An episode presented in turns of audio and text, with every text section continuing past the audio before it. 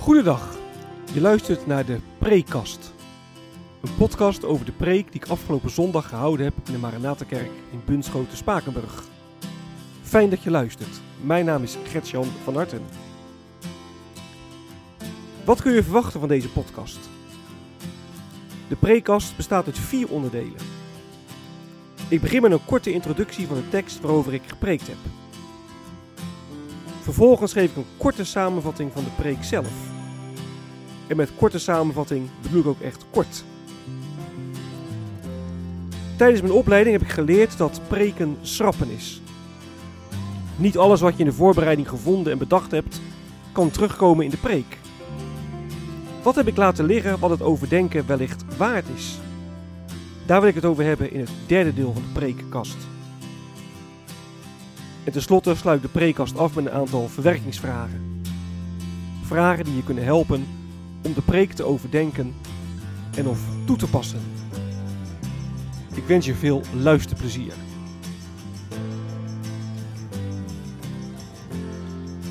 De tekst.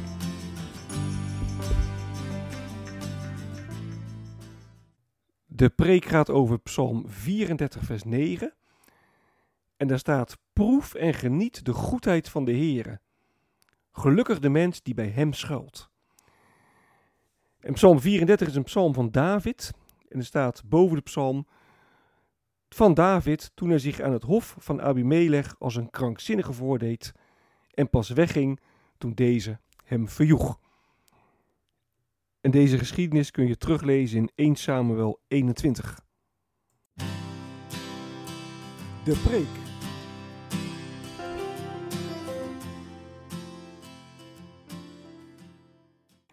Ik heb deze preek gehouden tijdens een, een belijdenisdienst. En het thema van de preek was: Dat smaakt toch naar meer. Nou, vandaag hebben zeven jongeren belijdenis gedaan van hun geloof. En daar zijn we als gemeente natuurlijk oprecht blij mee en ook heel dankbaar voor. Het spreekt niet vanzelf dat uh, jongeren hun, hun geloof beleiden. Geloven kan, kan namelijk heel moeilijk zijn. Het kan zijn dat je, dat je niks voelt bij het geloof. Ik hoor het ook heel vaak jongeren zeggen, ik weet het niet, ik voel er zo weinig bij. En we leven natuurlijk in een cultuur waarin we zeggen, ja, het is pas echt als je het ook voelt. En als je geloven dan niet voelt, even los van de vraag wat je moet voelen, ja, dan kun je zomaar afhaken.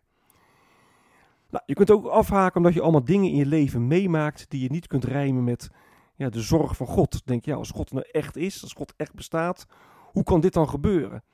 En ook dat kan je, druk, oh, je geloof onder druk zetten en je geloof zelfs uh, laten verdwijnen. Nou, dat had ook uh, heel goed bij David gekund. Hè? David die was op de vlucht voor koning Saul. Saul die wil hem ombrengen. En toen kwam Saul in de stad Gad terecht. Nou, daar in de stad Gad, dat was bij de Filistijnen, daar herkenden ze hem als ja, degene die, die hun held Goliath had gedood. ze zeiden, is dit niet die David waarvan men uh, gezongen had, Saul heeft zijn duizenden verslagen, maar David zijn tienduizenden. En dan wordt uh, David bang. Hè? Zijn leven is echt in gevaar. De inwoners van Gad die kunnen hem ombrengen. En ze kunnen hem ook gevangen nemen en overleveren aan, aan koning Saul. En dan zal hij ook worden omgebracht. Dus David is echt in gevaar. Het is een enorme beproeving voor hem. En de Heer die had tegen hem gezegd: David, jij zult koning worden over Israël. Maar David, die, ja, die, die werd helemaal geen koning van Israël. Hij moest vluchten voor Saul. Hij was zijn leven niet zeker. In plaats van dat hij de troon kon bestijgen, verkeerde hij in, eh, in levensgevaar. En zijn geloof in de Heer werd echt op de proef gesteld. En dan bedenkt David de list. We lezen dan eh, in vers 1, en je kunt het ook lezen in 1 Samuel 21, dat hij zich voordoet als een, eh, als een krankzinnige. En dan moet je weten dat in die tijd de Filistijnen ook echt bang waren voor mensen die krankzinnig waren. Die, die mochten ze niet doden, want als je een krankzinnige doodde, doodde, dan zou het zich vroeg of laat ook tegen je keren. Dus ze waren echt bang voor David en uh, ja, ze proberen hem weg te jagen. Dus de list die, die slaagt. Nou, dan dankt David God dat God de list gezegend heeft. David die, die neemt zijn verantwoordelijkheid. Hij gaat zijn armen over elkaar zitten. Maar hij weet wel, ik kan wel van alles doen, ik kan van alles bedenken. Maar als de Heer het niet zegent, dan, uh, ja, heb ik nog niks aan. De Heer moet het wel zegenen. Nou, David uh, wordt gezegend en de koning van Gad die jaagt hem weg. En David die, uh, die dankt God dan in Psalm 34 voor zijn redding. Hè, de Heer heeft hem bevrijd, zegt in vers 7 bijvoorbeeld. Hij zegt, in mijn verdrukking riep ik tot de Heer. Hij heeft geluisterd en mij uit de nood gered.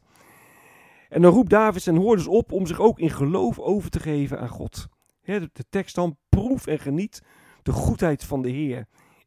David zegt, proef, probeer het maar. Hè. Neem maar de, de proef op de som. Het geloof, het leven met God, dat is niet maar een theoretisch verhaal. Dat mag je echt eigen maken. Dat mag je, je naar je toe halen. Je mag het ervaren. En het woord proeven, dat is geen, geen bevel, hè, zoals ook ouders wel eens een keer aan een peuteren een bevel kunnen geven van op, eten, je mond open, goed schiks of kwaad.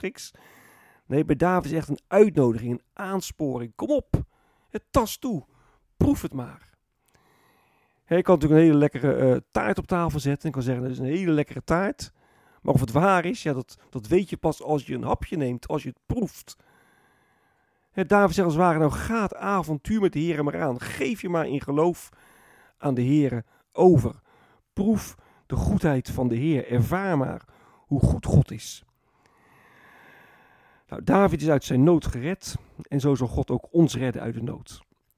En dat betekent niet dat God ons uh, ja, altijd op zo'n manier zou redden als wij graag willen zien. God die uh, zorgt niet voor dat alles in je leven de wind gaat. Maar het wil wel zeggen dat God ja, zijn belofte ook in ons leven nakomt. Kijk, God had aan David beloofd, jij zult koning worden. En als David zou sterven, als de inwoners van Gad hem zouden ombrengen, zou hij geen koning kunnen worden. En dan zou, dan zou God dus zijn belofte aan David niet zijn nagekomen. En dan zou hij zo'n belofte hebben gebroken. En dat zal God nooit doen, want God is trouw. Nou, in dat geloof mogen ook wij schuilen bij God en zijn goedheid proeven. Echt ervaren, merken dat God zijn belofte nakomt. Nou, een van, van de grote beloften van de Heer is hè, dat Hij ons altijd nabij zal zijn. Dat Hij voor ons zorgt en dat Hij ons nooit alleen zal laten. En hoe moeilijk het ook kunnen hebben. Gelukkig de mensen die bij Hem schuilt, zegt de tekst. Bij God kun je schuilen, want God heeft beloofd. God heeft gezworen. Ik laat jou niet alleen. Ik laat jou niet kapot gaan. Ik, ik ben bij je. Ik geef je kracht. Nou, in dat geloof mogen wij schuilen bij God. En dat kunnen we echt alleen maar dankzij Jezus Christus in het christelijk geloof komen we ook altijd weer bij hem uit. Jezus, hij is het centrum van de Bijbel. Je kunt ook zeggen, het hele Oude Testament werkt naar hem toe. Het wordt continu herhaald. Er komt een redder, er komt een Messias die alles nieuw gaat maken. Die, ja, die gaat herstellen wat bij de zondeval kapot is gegaan. Alles is daarop gericht, ook deze psalm. En neem bijvoorbeeld vers 20 en 21. Er staat, al blijft de rechtvaardige niets bespaard, de Heer zal hem steeds weer bevrijden. Hij waakt zelfs over zijn beenderen. Niet één ervan wordt verbrijzeld. En in deze tekst gaat het ten diepste over Jezus. zijn beenderen worden niet gebroken. Nou, dat is vervuld nadat Jezus Christus stierf aan het kruis op Golgotha. Het was heel gebruikelijk om van de mensen die opgehangen waren de benen te breken, om zeker te weten dat ze dood waren. Maar bij Jezus deden ze dat niet. Er staat er heel nadrukkelijk in Johannes 19, vers 36. En er staat erbij, en zo ging in vervulling nou, de, de, de schriftwoorden dat zijn beenderen niet gebroken zouden worden. En dat Jezus zijn beenderen niet gebroken werden, laat zien dat hij het, ja, het volmaakte offerlam is. He, met Pascha werd er een lam geofferd om, om, om, te, om, onze zonde, om de zonde van de mens te verzoenen. En dat moest een gaaf offerlam zijn, zonder gebrek. Nou, Jezus heeft het volmaakte offer gebracht met zijn dood aan het kruis als een gaaf offerlam. Zijn beenderen ja, zijn niet gebroken. En in en, en, en, en via Christus mogen we het dan vervolgens ook op onszelf toepassen. En niet één been van ons zal verbrijzeld worden. Nou, de beenderen geven, ja, geven structuur aan. De beenderen zorgen voor een eenheid in het lichaam. Met andere woorden, God laat ons diepste wezen nooit ondergaan. In Jezus Christus zijn wij uh, ja, onaantastbaar. Nou, wij kunnen op de proef worden gesteld. Proef dan de goedheid van God in Jezus Christus. En volgende week gaan we avondmaal vieren. Neem en eet. Je mag het echt proeven. Het is echt waar. Jezus Christus gaf zijn leven voor ons. Dankzij Christus mogen wij kinderen van de Allerhoogste God zijn. Nou, dat smaakt toch naar, ja, naar meer. Wat is blijven liggen?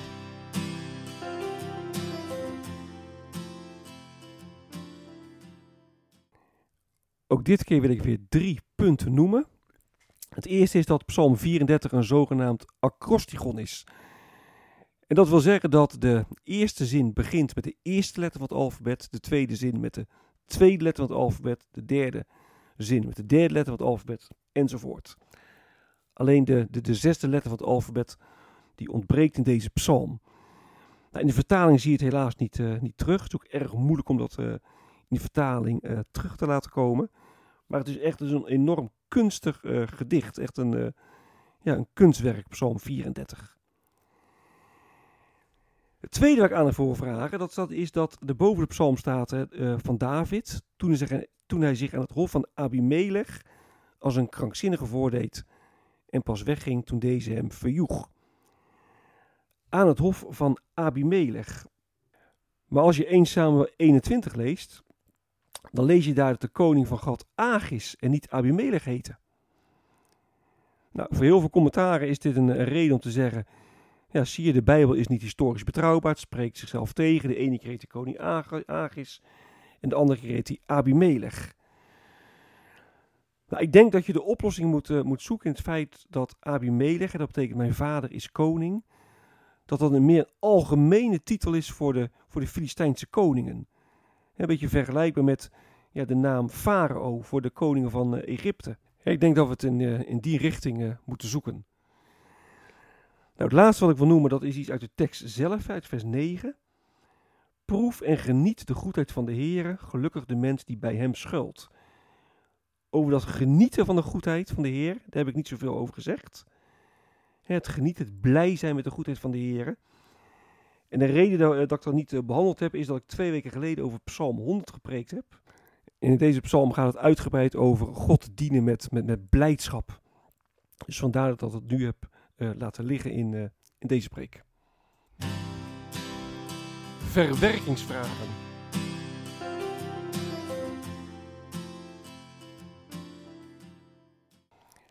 De eerste vraag is: in hoeverre heb jij in je leven de goedheid van God geproefd? In hoeverre heb jij echt ervaren dat God zijn belofte aan ons ja, vervult? De tweede vraag gaat over het, uh, het slot van vers 9 gelukkig de mens die bij hem schuilt. Hoe doe je dat nou, schuilen bij God? En je kunt ervoor zeggen, je kunt bij de Heer schuilen. Bij hem ben veilig. Maar hoe, hoe doe je dat nou, schuilen bij God? Het thema van de preek was, dat smaakt toch naar meer? En de vraag is dan, ja, in hoeverre smaakt de goedheid van God inderdaad naar meer? En de laatste vraag is, wat heeft de coronatijd en het niet naar de kerk kunnen gaan ja, met jouw geloof gedaan? Dit is het einde van de prekast. Mocht je vragen of opmerkingen hebben, dan kun je me mailen op mailadres van hartengretjan.gmail.com van Ik wens je nog een hele prettige dag. Hartelijk dank voor het luisteren. En wie weet tot een volgende keer.